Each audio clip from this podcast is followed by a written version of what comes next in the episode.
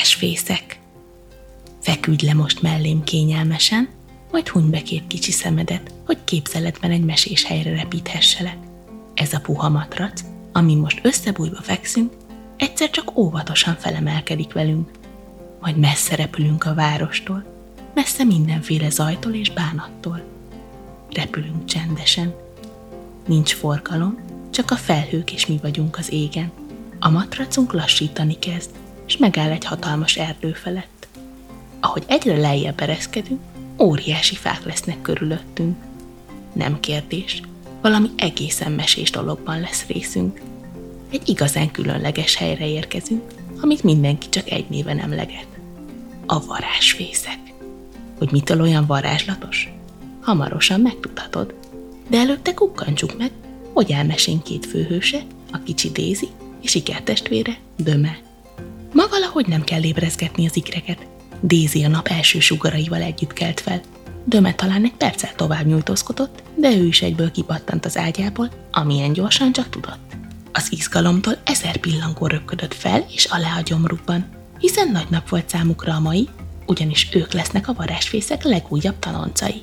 Az anyukájuk elkísérte őket a varázslatos hídig, majd szorosan átölelte a gyermekeit, és mindkettőjük homlokára nyomott egy biztató puszit.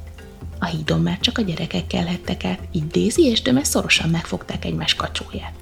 Majd kisé bátortalan léptekkel átkeltek a folyó felett. A híd túloldalán egy varázskapu állt, tárva nyitva, ami csak a gyerekekre vált. Egyszer csak egy csilingelő hangot hallottak, ami csak is egy dolgot jelenthetett, méghozzá azt, hogy a varázsfészekbe becsengettek. Jó reggelt, kis újoncok, bemutatom nektek az osztályotokat, mondta Bagoly néni, a varázsfészek igazgatója, majd előre repült, hogy az utat mutassa. Az osztályterem tágas volt és fényes, ahogy beléptek, megnyugtató érzést töltötte el őket. A gyerekek mind egy-egy jogamatracon ültek, nem voltak se padok, se székek. Az iskolát már ez is eléggé különlegessé tette, a tanárok pedig nem emberek voltak, hanem állatok. Ez volt az, amiben az igazi varázslat alakozott. A várakozás csendjét döngő léptek törték meg, amikor Elefánt megérkezett a terembe. Nagy ormányától kicsit nehezen közlekedett, gyakran belegabajodott lényegében mindenbe, ezért sokszor az ablakot kitárta, amilyen nagyra csak tudta, és hosszú ormányát azon kilógatta. A mai órát is így tartotta.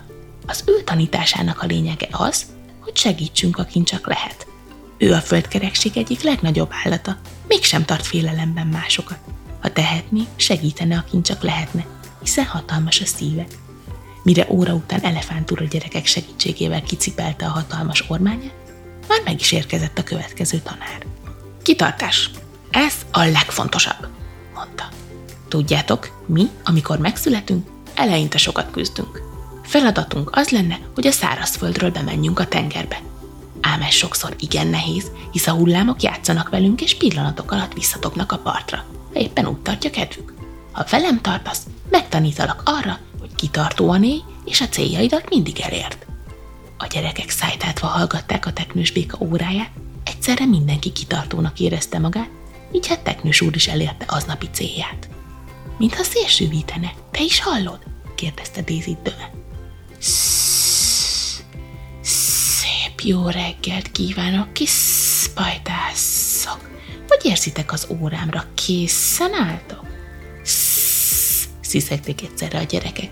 Így kígyó tanár a tanításba bele is kezdhetett. Én a haragotok előzésében foglak segíteni benneteket.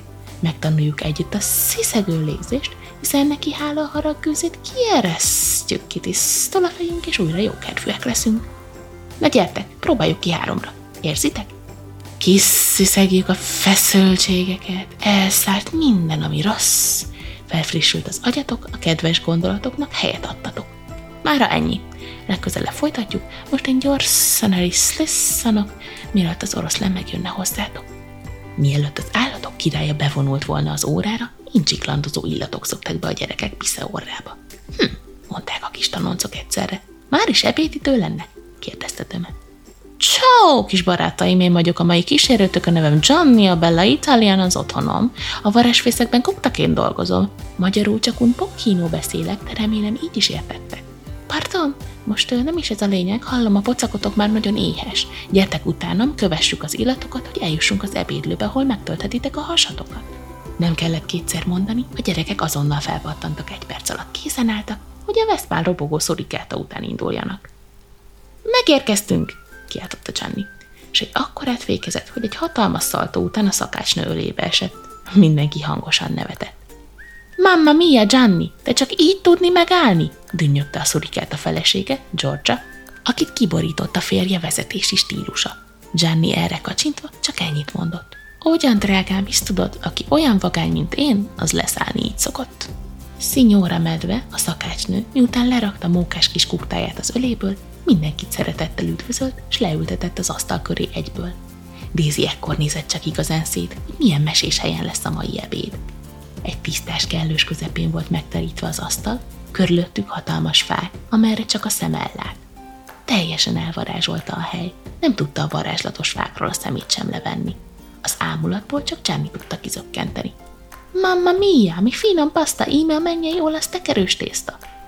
Gianni és Georgia felszolgálták a főételt, a bolonyai spagettit, amit a szakácsnőnél senki nem tudott finomabban elkészíteni. A madarak csicsergése mellett a gyerekek hümmögése törte meg a csendet. Sophie, a legapróbb tanonc, akinek még nem ment az R betű, ebéd közben felkiáltott. Ez életem legfinomabb tekelyős tésztája! Héci Sophie, lenni voltó boldog, hogy a tekelyős paszta szerinted is mennyei volt. Hálálkodott Georgia, miközben összeszedte a maszatos tányérokat, hogy jöhesse helyettük a palacsinta. Miután megették a desszertet is, hangosan megköszönték az ebédet, olaszul egyszerre, ami így hangzott. Grácie! Gianni fel is pattant a Veszpára, hogy visszakísérhesse a gyerkőcüket a következő órára. Ahogy az oroszlán belépett a terembe, egyből rászegeződött minden gyermek tekintete. Méltóság teljes lépteit figyelte mindenki, miközben felséges sörényét a szél szelíden meglippenti. A félelem a fő téma, amiről az óráin a gyerekek tanulhatnak. De nem ám a félelemkeltés a cél, hanem az elengedés. Most hunjátok be a szemeiteket, kérte meg a gyerekeket. Hallgassátok a körülöttetek lévő csendet, majd képzeletben vegyétek elő az egyik félelmeteket, legyen az a magasság, a sötétség, vagy épp az egyedüllét, bármi lehet. Ha megvagytok vele, képzeletben helyezzétek azt a nyelvetek hegyére, és búcsúzzatok el tőle. Majd a nyelveteket kinyújtva üvöltsetek velem egyet olyan hangosan, amilyen csak lehet, és engedjétek, hogy a nyelvetek hegyére helyezett félelmeitek a hangotokkal együtt elszálljon jó messzire. Az oroszlán az órája után elkísérte a gyerkőcöket a tengerhez, hiszen úszás óra következett. Az állatok királya a gyerekekre nagy hatással lehetett, olyan büszkén sétáltak mellette, hogy azt bárki megirigyelhette. A delfin már a vízben várta a gyerekeket, akik gyorsan átöltöztek és már szaladtak is be a vízbe. Ez az óra volt a kis tanoncok kedvence, mivel itt tudták megtapasztalni, hogy milyen a természettel egyé válni, és a halakkal önfeledten szabadon úszkálni. Ahogy Döme a vízből kinézett a partra, hangos kuncogásba kezdett, amire a többiek is felfigyeltek, és kérdezgették, mi olyan vicces Döme? Döme ekkora a nevetéstől már beszélni sem tudott, csak az ujjával a partra mutogatott.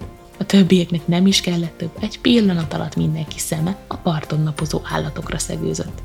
Ott voltak a tanáraik, és még sokan mások. Mindenki bikiniben pompázott. A víziló hatalmas testén például egy aprócska kagyló alakú bikini felső tündöklött. Előtte az unikornis rózsaszín napszemcsiben egy homokváron ügyködött. Mellette a flamingó koktélt szürcsölgetett, miközben ülve kereszteltvény fejtegetett. Az elefánt tanár úr épp most készült fejest ugrani, búvártalpal és pipával indult a tengeri élővilágot felfedezni. De vajon a pocakjára szorult úszógumi ezt megengedi majd neki?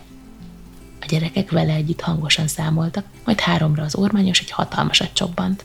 Ekkor megjelent a következő tanár, aki hosszú testével elterült a parton, így várta, hogy a vizes gyereksereg kifeküdjön mellé és megszáradjon. Krokodil tanárnőnek megnyugtató volt a hangja. Nem volt nehéz megpihenni őt hallgatva. Feküdjetek a hasatokra, mondta. Fejeteket pedig hajtsátok szépen a két karotokra. Unjátok be szemeiteket, és most csak is a napra figyeljetek. Sugaraival átmelengeti apró testeteket. Érzitek? Semmi nincs most, ami ettől kellemesebb.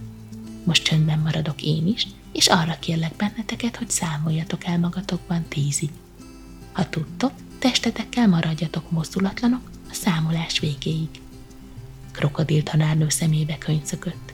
hihetetlen érzés volt számára látni, ahogy egy pár percre lecsendesedtek, nyugalomba megpihentek ezek az örök mozgó kis emberek.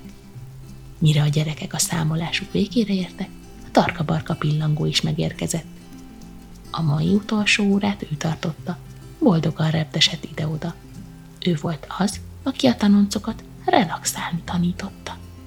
Feküdjetek a hátatokra, jobb kezeteket helyezzétek a melkasotokra, míg a balt a pocakotokra, mondta. Figyelmetek most szépen lassan a jobb kezetekre irányul. Megfigyelhetitek, ahogy a pocakotok lesüllyed, majd felemelkedik. Abban a ritmusban, ahogy a légzésetek iránya változik.